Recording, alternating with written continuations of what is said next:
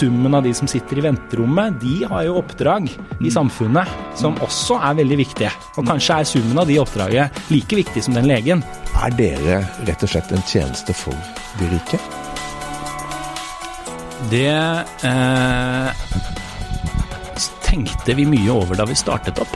Eh, jeg kan si det er én ting. Det er vanskelig å motivere leger og helsepersonell som vi skal ha med oss, eh, på å drive en tjeneste som er for de rike. Her er Stavrum og Eikeland.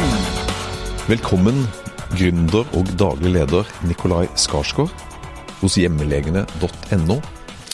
Det vi lurer på er hvor mange liv kan Norge spare på å benytte seg av hjemmelegetjenester? Når jeg har stått på sykehuset og hatt på meg eh, stetoskop rundt halsen og tresko og sett én og én pasient, eh, og gjennom hjemmelegene med med den, fantastiske gjengen vi har eh, rundt og vært med å starte opp dette, og som driver med dette, så har vi sjansen til å virkelig påvirke hvordan helsevesenet er, hvordan det er å være pasient, hvordan det er å få hjelp hjemme. Og det er mange ganger vi har vært eh, hjemme hos folk og kunnet utgjøre forskjellen, så å si. Og det er jo en del av den jobben men, som er å være lege. Men, jeg har ikke tall til deg, da. Nei, nei, men det, det, den men, men det vi tenker litt på, det er jo at her sitter vi, middelaldrende menn. Er vi gode nok til å sjekke oss. Altså, altså, altså den der, å komme seg til legen og ta den prostatasjekken og gjøre alt det. Er vi egentlig gode nok til det? Vil det bli enklere for oss med deg på laget? Eh, uten tvil. Nå, du trenger ikke å dra til legen lenger. Det, og, og Dørterskelen til legevakten må ikke være et kontor eller en legevakt. Eh, for mange nå så Vi har flyttet den ut til ganske mange eh, hundretusener av husstander som kan få hjelp hjemme.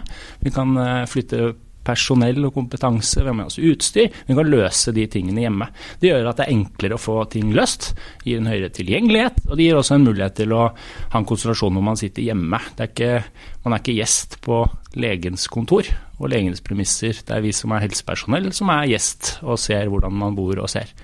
Eh, det er jo litt på siden, men ja, vi middelaldrende menn, eh, og jeg setter meg selv i den kategorien med mine eh, 35 år.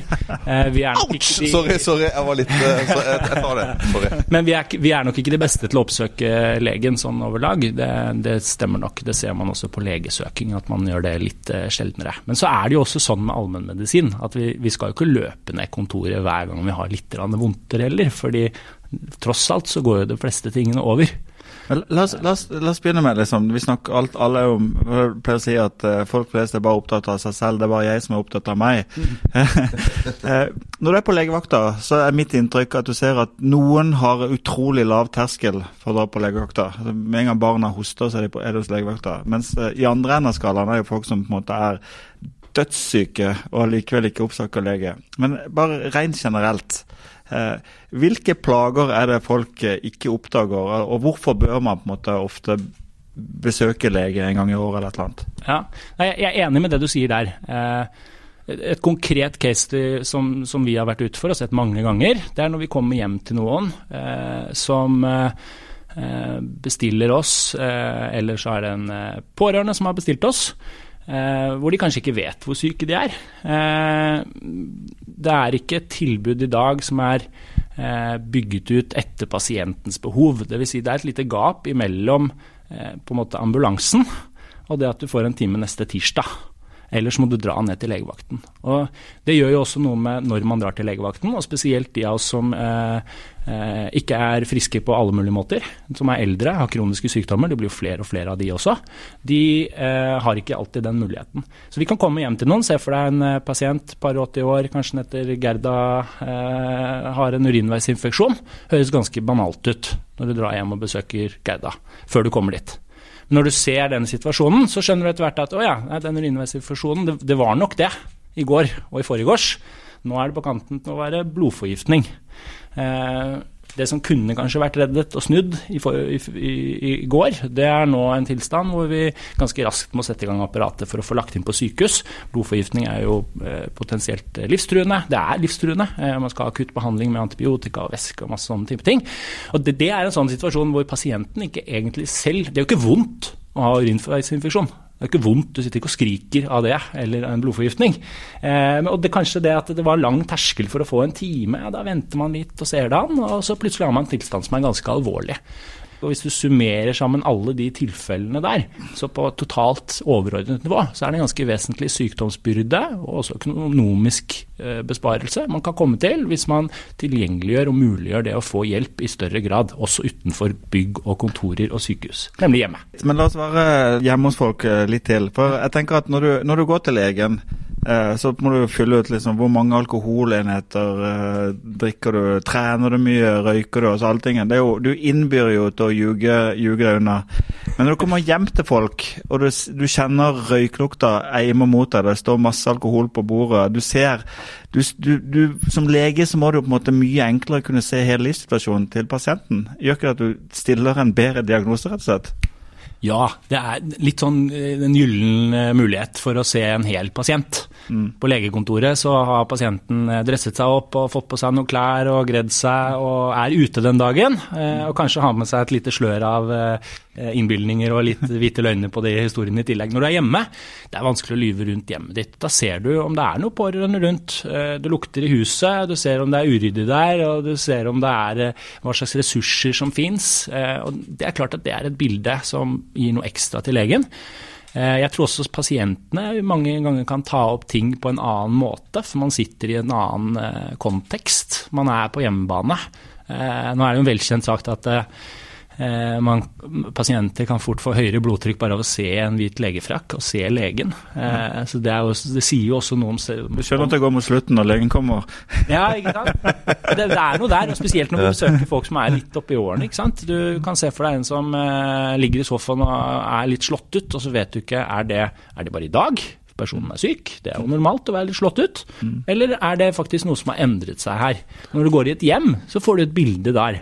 Oi jøss, her er det jo liksom, det lukter litt, det er litt søppel der, det er visne blomster. Jeg ser at det, det, den klærne der er nok gårsdagens i kopi. Mm. Kanskje det går opp en bjelle med at uh, her er det noe som har skrantet litt, rett og slett. Men er det noen, grupp, men er det noen grupper som er dårligere enn andre til å, å komme seg til legen? Altså, Apropos oss, ja, eller i hvert fall Gunnar meg, eldre menn? Altså. Ja, altså Det er to måter å besvare det på spørsmålet. Den ene er jo ja, vi som er menn oppsøker legen eh, litt sjeldnere. Så mm. vi søker rett og slett, har en litt høyere terskel i snitt for å søke. Det er også noe med noen type kontroller, kvinnehelse, graviditet og sånt som farger det bildet der. Mm. Eh, men, men litt sjeldnere oppsøker vi. Hvem som er vanskelig for å komme seg til legen, det er jo i dag eh, folk som har én og to og tre, fire medisiner eller kroniske sykdommer. Folk som ikke ser eller hører så godt, ikke er helt gode til beins. Eh, det kan jo være mange årsaker til at du ikke har så lett for å komme deg til legen. Eh, I dag kan det være så banalt som at det er ikke så mange i Oslo lenger som eier bil som det var før. Mm. så det også er blitt en annen faktor da, i det å dra til legen, som gjør at man også benytter legetjenester på andre måter, digitalt og hjemme. Apropos det, eh, la oss bevege oss litt inn mot businessen, hjemmelegene. For dette, eh, du er jo lege, men du har jo med deg en del gründere. Og blant gründerne er gründerne av Nabobil og Kolonial. Og det som slår meg da, det er sånn For 100 år siden så kom kolonialhandleren hjem til deg med, med, med maten dette husker jeg ikke, men jeg har hørt det. Når du ser på, uh, ser på, NRK, så har de på en måte en sånn hjem... Der har du hjemmelegen. Hva er det som gjør at man i en digital alder går tilbake igjen til liksom gamledagse tjenester? Ja, det er et godt spørsmål. Jeg tror eh, for, for eh, hjemmetjenester, hjemmelegetjenester. Det sluttet man og stengte ganske brått ned for i omkring år 2000. Eh, gradvis også før det. Den gangen så var det jo eh, flere ting. Du hadde internettet som kom og som ble en viktig ressurs for legen, og datamaskinen, og den var koblet fast til veggen. Ergo du trenger en vegg eh, og et hus og betong for å være et sted og treffe pasienter. De tingene vi undersøkte, blodprøver, sånne type ting, de var store laboratorier og apparater. I dag så har det jo skjedd Internett er i telefonen til alle sammen. Vi snakker med legen vår eller alle andre via iPhonen vår. Ehm, det utstyret som før tok en hel lab, det pakkes nå i mindre og mindre utgaver til lavere og lavere pris. Vi kan ta eh, blodprøver på stedet som vi får svar fem minutter etterpå. Eh, nå for covid har vi hurtigtester som gir oss et relativt pålitelig svar i løpet av 15 minutter. Det er jo ting som man ikke hadde den gangen. Så det er en kombinasjon av teknologien og eh, den medisinske utstyret, komponentene der, som gjør at man kan flytte det hjem. Den siste komponenten er nok også at man før i tiden så var det jo én lege da, som skulle dra og besøke over alle veier og land. Eh, og det blir jo kanskje ikke så effektivt. Eh, når du tenker på kolonial og oss, så ligger jo eh, eh, mye av verdiforslaget er jo, er jo helt avhengig av en teknologi og logistikk med, som muliggjør effektivitet i dette. Det er jo der hjemmelegene og plattformen og teknologidelen det blir født. Så Vi har 60-70 helsepersonell som alle sammen er koblet sammen i plattformen og kan dra ut og besøke alle våre pasienter der ute. Det er en litt annen modell enn den eh, NRK-legen du refererer til, eh, som muliggjør dette, eh, helt enkelt. Og, og, ideen er, dere er jo inne på det, det er å skape bedre møter med pasientene. Og så er det å eh, sørge for at dørterskelen til helsevesenet er der hvor pasientene er, og tilpasset de behovene som pasienter har. Jeg tror da vi skrudde ned for hjemmebesøk, så var det egentlig gode grunner for det. Legen er en dyr ressurs, og som vi sa, det var utstyrsting og sånn som gjorde at den beslutningen sannsynligvis var ganske klok. Men det kan nok være vi har spart oss litt i fant. Eh, når vi snakker om dette tilfellet med Gerda 82, som kanskje får hjelp litt for sent. Og både for et mye seigere forløp, dårligere helseutfall, og de store kronene i helsevesenet de tikker jo når du er innlagt på eh, medisinske avdelingen i fire døgn. Eh, det er ikke det første legebesøket som drar det der også. Ja, for Nå begynner vi å snakke om økonomi. Og dere mener at med hjelp av hjemmelegetjenester så vil samfunnet spare over en halv milliard kroner? Det stemmer. Dvs. Si det er eh, samfunnsøkonomer i Menon Economics som mener det. Så de har eh, gjennomgått dette, sett på bruken av hjemmelegetjenester i Norge, i europeisk sammenheng og internasjonalt. Og så har de sett på eh, studier som viser både på bruken og effektene av å bruke det og regnet på dette i norsk skala. Og Hvis du da ser for deg igjen pasienten 82, hvis du legger sammen alle Gerdaene og alle sånne situasjoner, så kommer de fram til at man kan spare i overkant av en halv milliard i året hvis man er flinkere i norsk helsevesen til å bruke hjemmelegetjenester. Rett det som muliggjør at man kan få legen hjem for de som trenger det. Og Det er redusert sykdomsbyrde, og det er direkte besparelser for færre innlagte sykehusdøgn, og det at man kan bo lenger hjemme. Eh, som, som bakgrunn for de besparelsene. Fordi, hvis du ser på de regnestykkene som Enon har gjort, så er det sånn altså For det første så er det jo slik da, ifølge Menon at, at et, kostnadene ved et hjemmebesøk av en lege eh, er mye lavere enn et døgn ekstra på sykehjem. Direkt. det er også en veldig skummel statistikk at folk som er operert for en del lidelser, har en ganske høy grad, prosent av gjeninnleggelse i løpet av en måned. Altså, vi, vi behandler de, men vi etterbehandler de ikke, sånn at de bare kommer inn igjen for en ny runde. Altså, det er vel eksempler på besparelser. Absolutt. Så det kan være reinnleggelser. Det kan være det eksempelet vi snakket om nå, hvor du kunne hjulpet en, avhjulpet en situasjon i tidligere eh, i forløpet og unngått en innleggelse i første omgang. Og så er det det du sier nå med hvor lenge man kan bo hjemme og hvor mye hjelp man trenger. Eh, typisk når man har sykdom i kombinasjon med alderdom, så er det et sånt forløp hvor det settes inn litt og litt mer tjenester. Og for noen så bor man etter hvert på, syke, eh, på sykehjem. Og kostnadene som påløper der, det er jo veldig store kostnader. Så alt man kan gjøre bare for å flytte de med én dag eller en uke, utgjør så mye penger i sum at det initielle besøket eh, er, blir ikke så viktig i den sammenhengen. Og Det tror jeg er på en måte hovedessensen i det der. Og I et større bilde så tenker jeg vi vet jo allerede nå, nå kommer jo perspektivmeldingen. Vi vet jo at det blir flere eldre, eh, det er flere av de som er kronisk syke. Det er ganske vedtatt at vi ikke har plass til de, vi har ikke råd til å behandle de sånn vi gjør det i dag. Vi har ikke nok hender, nok helsevesen til å gjøre det. Ergo så er vi nødt til å finne nye måter som gjør at vi kan eh, få mer hjelp der vi er, før man flytter inn på det store sykehuset eller sykehjemmet. Men, men, men, dere er jo privateid. Uh, og det er, det er, vel ikke noe som er nesten mer betent enn privat-offentlig uh, diskusjoner innenfor helsevesenet. Uh, er dere rett og slett en tjeneste for de rike? Det eh, tenkte vi mye over da vi startet opp. for jeg kan si det er én ting, det er vanskelig å motivere leger og helsepersonell som vi skal ha med oss på å drive en tjeneste som er for de rike. Da vi startet opp, så så vi ganske raskt på pasientene vi besøkte. Geografisk så er vi litt oftere på den østre delen når vi er i Oslo, enn vi er på den vestre delen. Vi er i områder som ikke tradisjonelt må sies å være sånn rikmannsstrøk.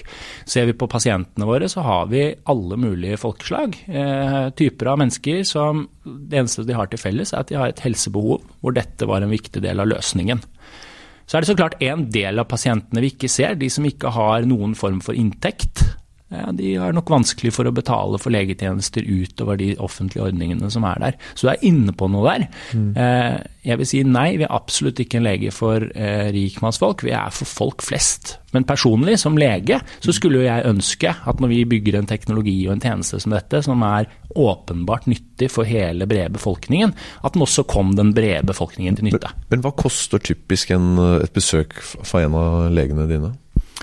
Så et eh, hjemmebesøk av en lege, så har vi fastpris på 1290 kroner. Hvis vi snakker med legen digitalt, så er det 350 kroner. Eller reseptfornyelse er litt billigere enn det.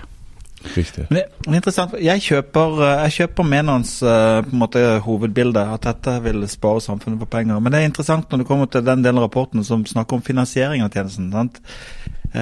Og der blir, litt, der blir, det litt vanskeligere igjen. For de, de, foreslår jo en del ting. F.eks. at kommunen skulle kjøpt tjenesten for dere, eller at man skulle få en refusjon av å bruke dere. Men i dag er det de private som betaler det sjøl, rett og slett?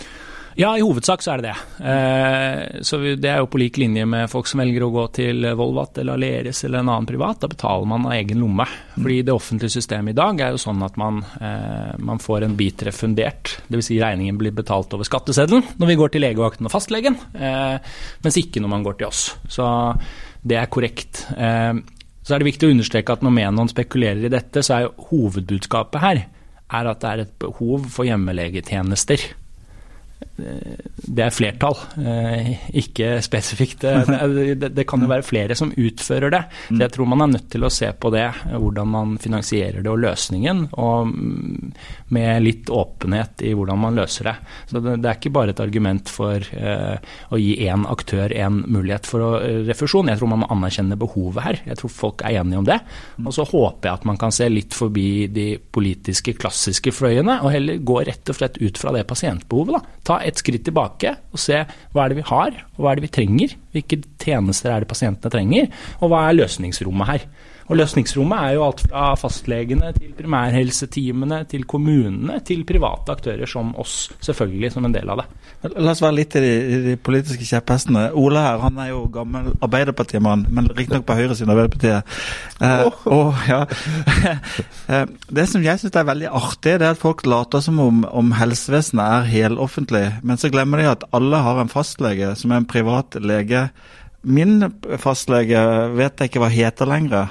Eh, men jeg har vært sponsor i 20 år, for du får jo penger per pasient de har på lista si. Så eh, hva er det som gjør at, at vi innbiller oss at hele helsevesenet er offentlig, for det er det jo ikke? Nei, det er riktig det. Eh, det er jo i veldig stor grad offentlig finansiert, men ikke alltid mm. offentlig levert. Nettopp, ja. Og så det at fastlegene er virksomheter, små virksomheter, er jo, er jo et faktum. Eh, men ordningen oppfattes jo tilnærmet som offentlig, fordi det er en ferdig eh, skrevet ordning. Det er Sånn skal det være, sånn skal det se ut. Mm. Eh, så det gjør jo at Inntrykket er jo at dette er en forlenget del av den offentlige helsevesen.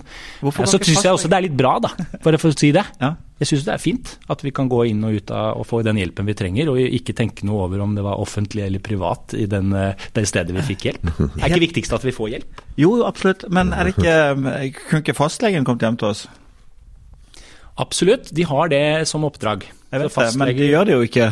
Nei, det, det, det har blitt mindre og mindre av det. Så, eh, Hvorfor det, tror du? Jeg tror vi kan ta en eh, analogi tilbake til denne matbutikken på nett. da. Eh, hvis du har en eh, Rema 1000-butikk nede på hjørnet her, her nede ligger vel en Coop, mm. eh, og så ber du de som sitter i kassen om å begynne å levere ut litt mat innimellom at det kommer folk i kassen. Litt sånn rundt, rundt i nabolaget, kanskje i bydelen.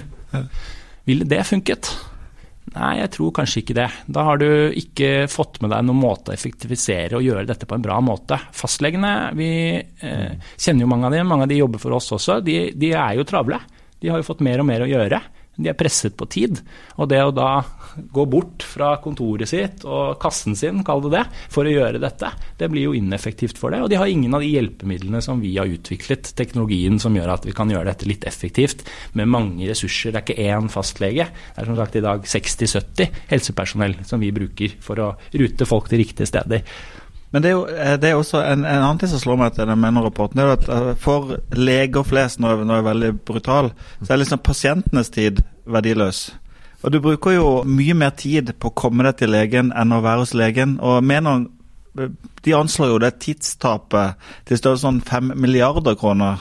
Sånn at eh, kanskje vi skal få igjen noe av tiden vår, vi pasienter. Ja. De har, for å understreke det, de har ikke tatt med det i det hovedestimatet sitt, Nei. Eh, fordi det er usikkert. Men det er helt riktig, det er jo et produksjonstap. Så eh, jeg tror vi har tenkt egentlig smart her, men kanskje spart oss litt i fant. Hvis du skal ha et effektivt helsevesen i kroner og øre, så har vi tenkt at legen er en dyr ressurs. La oss putte de inn på et rom hvor folk kommer fort forbi. Det er en kø. Mm. Eh, kommer ikke fort forbi, du står og venter og venter. og venter. Ja. Da får du høy utnyttelse på, på legen. Litt, litt som vaksinen nå, covid-vaksinen. Ikke sant. Da får du høy utnyttelse på legen, men det blir jo en, eh, en, en, høy utnyttelsesgrad sett kun fra det ståstedet. Da. Og jeg tror hele helsevesenet er jo litt optimalisert for helsevesenets del. Mm. Og sånn blir det jo fort, fordi det er komplekst og dyrt å drive helsetjenester. Men vi glemmer at summen av de som sitter i venterommet, de har jo oppdrag i mm. samfunnet som også er veldig viktige. Og kanskje er summen av de oppdraget like viktig som den legen. Så det må være en, en, en trade-off her. og Det tror jeg også man er i ferd med å Man er ikke så glad i de stykkprisfinansiering og sånne type begrep nå lenger, som man var for 20-30 år siden. Man har nok nå lyst til å bevege seg litt mer bort ifra det, og heller se på hva oppnår vi av helse for befolkningen. Hva gjør at du, du, du og jeg kan sitte her og være på jobb og ikke eh, være satt ut av samfunnet. Det er det som betyr noe, ikke stykkprisen av en enkelt konsultasjon. Det er irrelevant. Men, men, men hvem, er, hvem, er, typiske kunden hos deg? Altså, hvem, øh, hvem er det? Ja, Vi har eh, tre hovedgrupper av kunder, da, sånn veldig enkelt. Vi har eh, eh de små barna, og da gjerne alle, de aller minste. Eh, kanskje en barnefamilie med flere barn. Da er det ofte eh, både situasjonen og så praktiske ting som gjør det vanskelig å ta med én syk og kanskje én frisk og sette seg på en legevakt. Og så er det alle mulige voksne i alle mulige farger og varianter og bakgrunner og behov. Eh, de, eh, noen av de kan drives av tilgjengelighet. Eh, vi er tilgjengelige hele uken, dag, kveld, helg. Sånne type ting. Men det kan også være mer sammensatte behov som gjør at man ikke har så lett for å dra til legen, rett og slett. Den siste gruppen, som er én ja, av fire, én av tre pasienter, ganske stor, det er alle eldre, som er en sammensatt gruppe. Eh, alt fra frisk og, og, eldre med fart, til noen som har mye kontakt, altså er storkunder i helsevesenet, da, kall det det, som har vanskelig for å komme seg et sted. Det kan være en sønn som har bestilt til sin mor, fordi nå trengte man å få sett på et eller annet som har utviklet seg. Så det er også en ganske stor gruppe eh, som vi hjelper. og der Eh, i sånn eh, sammenheng med den Menon-rapporten, så er jo det åpenbart en gruppe hvor vi burde være flinkere til å lage tjenester tilpasset til behovene deres. Men når du sier dette, så, så høres det ut som at de, veldig mange av disse er jo uansett folk som ville ha kommet seg, eller måtte komme seg til en lege. For de har enten at kiden er syk, eller at eh, personen er syk. Så sparer man egentlig noe mer på å gjøre dette, altså samfunnet, for noe. Altså, jeg hadde jo klart å komme meg dit til lege uansett. Ja, jeg tror det er et godt poeng. og jeg, Jeg ville nok ikke argumentert for at alle, alle besøk i hele allmennhelsetjenesten skal skje hjemme, med en ressurs som kommer hjem. Eh, jeg tror definitivt vi skal fortsette å ha legekontorer og legevakter og sykehus. Men i dag så gjør vi nesten ingenting av den oppsøkende virksomheten. Og da tror jeg vi er ute på en farlig grunn. Hvis vi kommer jo hjem til de pasientene hvor hvor det har blitt helg, eller det er for lang tid til neste gang, eller det mangler noe, liksom. Og eh, der tror jeg vi har et lite hull i systemet som, eh, som eh, tilbudet rett og slett ikke er godt nok. Nå, ikke misforstå meg her, norske helsevesenet er jo det vet vi jo, verdensklasse. Det er helt supert. Jo sykere du er, jo mer akutt det er, jo bedre er det. Er det snakk om hjerneblødning og infarkter og de tingene som virkelig går gærent, så er det nesten så det er bil utenfor her om to og et halvt minutt. Mm. Da går det som bare rakkeren. Med en gang det er litt mer uklart, eh, vi er i primærhelsevesenet, det er litt mer utydelig hva slags type hjelp vi er, og det er litt mer sammensatte behov, så er vi kanskje ikke alltid like gode lenger. Og Det tror jeg vi har, må ta inn over oss. i i hvert fall vi som er leger og jobber som del av helsevesenet, vi har nok ikke helt evnet å utvikle helsetjenestene i takt med behovet til befolkningen og pasientene. Og da, i, I operasjonssalene så har vi roboter. Vi, vi har, nå har det kommet en vaksine for et virus som oppsto for mindre enn et år siden. Medisinen tar syvmilssteg hvert eneste år. Ja. Men legevakten og legekontoret, det, de har vel bytta brusautomat da, siden 97. ja, for akkurat det, akkurat, det, er jo veldig et fenomen her. For Vi som har vært hos legen da noen ganger, vi har jo sett leger som, skri, som skriver med én og én bokstav og har trøbbel med printere. og Det slår meg ikke som en veldig data innovativ bransje. Men nå har du, dere slått deg sammen med, med noen som er veldig flinke på det. Hvordan foregår det samarbeidet? Ja, jeg tror det, det ligner vel på sånn eh, eh, Jeg tror det er en nøkkelfaktor i alt av nyskaping. da, Enten det er en gründerbedrift eller helsevesenet eller om det er en etablert bedrift. Det er et team på tvers av veldig ulike bakgrunner og kompetanser som prøver å løse noen problemer som man ser. Det, vi har hatt et sånn, en kongstanke, eller et litt sånn dumt spørsmål i hodet for oss. da. Hvorfor er det sånn at når man er syk, så må man ta på seg sko og klær og stable seg ut i det snøværet her og dra og vente på en lege som er frisk, og sitte der i flere timer. Må det være sånn? Og Med et sånt dumt spørsmål så begynner man å se på hva er svarmulighetene her. Eh, og da er det klart Når du har et team som det er noen som er spesialister i allmennmedisin, noen som har stått på sykehus, stått på fastlegekontoret, og så har du folk som bare har vært på pasientsiden av dette, men de har vært med å bygge opp teknologi og eh, konsepter som møter behov da innenfor matvarer eller biltransport eller helt andre ting. Da får du kreative løsninger. Og det er, er, det noe vi kunne trengt mer av i helsevesenet, så er det nok å jobbe litt sånn da, på tvers av flere eh, kompetansefelt eh, for å få til noen nye måter å tenke på. Jeg vil jeg vil ikke gi deg rett at leger ikke er innovative. Eh, og heller ikke at de ikke er gode på teknologi. Men, men, i de rammene du beskriver det, så er jo bildet ganske kjent. Men de har også vært litt sånn Det er ikke kjempegøy da, å legge fra seg smarttelefonen i garderoben, ta på seg legefrakken, og så får du personsøkeren og skal opp og sende en faks.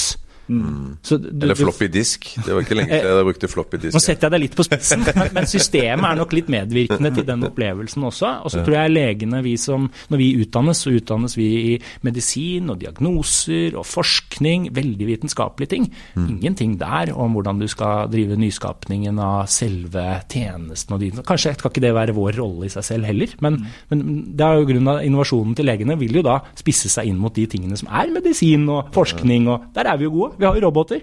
Men jeg fatter ikke businessmodellen din. For sånn, skjønner, mange syns jo, eller For mange er jo det å betale 1200 kroner for å få en lege hjem mye penger. Men det er de samme folkene som bestiller pizza eller Foodora hjem for omtrent eh, nesten samme pris. Hvordan i himmels navn skal dere tjene penger på dette når ikke dere får refusjon heller? Ja, Vi har jo holdt på nå i tre og et halvt år ca. Eh, jeg tror den pasientpågangen vi har hatt, er jo svar nok. Vi har jo ikke hatt refusjon. Eh, vi har hatt så mye å gjøre at vi ikke har klart å etterfylle og, og møte etterspørselen til det. Jeg tror det sier litt om eh, noe om tilgjengeligheten i helsevesenet generelt, og kanskje noe om hvor stort behovet er for akkurat denne type tjeneste. da. Og så tror jeg, Nå sammenligner du med levering av mat hjem, det er jo praktisk og kanskje til og med hyggelig. Eh, når vi er syke, eller noen av familiene er syke, så er ikke det en luksusmiddag levert på døren. Det er et grunnleggende behov. Jeg skjønner eh. behovet, men jeg skjønner ikke hvordan du kan leve av det. Der, jeg syns dere er veldig billige, da. Mm.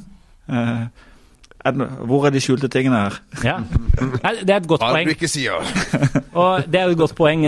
Bestiller du en låsesmed eller en snekker eller håndverker hjemme en stund, så, så, i den konteksten så er vi absolutt rimelig priset, og det er jo for å kunne nå ut til det brede laget av befolkningen. Modellen vår er sånn at legen får en andel av de konsultasjonskostnadene, eh, og så får hjemmelegene en del som går til utviklingen av konseptet osv.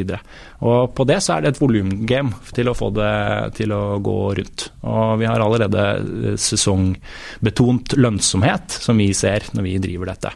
Men det er jo effektiviteten i dette og forretningsmodellen som du sier. Det er nok kunder som eh, har lyst til å bruke oss. at de kommer tilbake. Og så er det vår evne til å bruke helsepersonellet på riktig måte, så de bruker minst mulig tid på veien, mest mulig tid hos pasient, der verdien skapes. Men eh, sånn, litt sånn, Jeg skal nærme oss slutten nå, men, men tilbyr dere alle uh, typer tjenester, så ikke, bare for akutt syke. Så f.eks. da Gunnar Hjertekirurgi. nei, nei, men, men eh, jeg hører på Gunnar også at Og jeg er i hvert fall ikke den sånn superfan av legekontor. Burde jo vært der oftere. Altså den årlige sjekken som man bør gjøre når vi kommer opp i vår alder, da. Tilbyr dere det, eller er det noe uh, vi må fortsatt gå til fastlegen og gjøre? Ja, vi, vi tilbyr eh, stort sett det samme som legevaktene og fastlegene tilbyr. Det er primærhelsetjenester, de samme vondtene og behovene som vi har. Mm. vi ønsker ikke å være et akutt eh, eh, alternativ, som jeg sa. Helsevesenet når ambulansen skal være der og kommer, det er bra. Mm. Vi er et alternativ for alt det resten. Så driver vi ikke skadelegevakt eh, f.eks., eller hjertekirurgi. Mm. Eh, men det gjør jo tross alt ikke fastlegen heller. Så sånn sett så er vi på, på lik linje. Eh, dette eh, året som har vært nå, syns jeg også er en interessant parallell her. Da. Nå vi jo, snakker vi jo dette er den lengste samtalen jeg har hatt uten å snakke om korona i det siste året. Jeg er så lei korona. Altså. ja. men dere kan jo se for dere hva slags uh, hvordan dette konseptet og hva slags relevans det har i en pandemi. Eh, og Det har vært en, eh, litt av en reise for oss, både som helsepersonell og som eh, hjemmelegene. Da dette skjedde, så alle satt jo med skrekken i halsen 13.3 i fjor, når man så Erna på TV og co. Det var vel med en skrekkblandet fly man sitter der som helsepersonell og tenker at det er litt som å være soldat, og nå, nå er det utsending, liksom. Men når vi så på hjemmelegene, så så vi også der en eh, Jøss, eh, vi er jo rigget for en helt annen måte. Vi kan jo dra ut, så ikke vi blander folk og får smitte på kontorer eller reiseveier og sånt.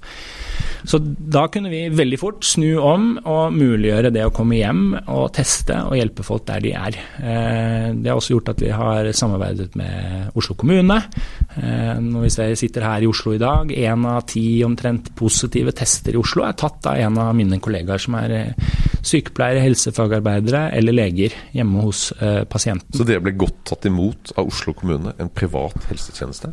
Ja, tenk på det. Eh, ja. Jeg jeg syns det er ganske kult. Jeg vil berømme Oslo kommune for måten de har angrepet dette på. Og så syns jeg det er et veldig fint eksempel på hva som skjer når hele helsevesenet stiller seg bak samme mål. Altså det var veldig konkret. Det er en pandemi, nå må vi løse det.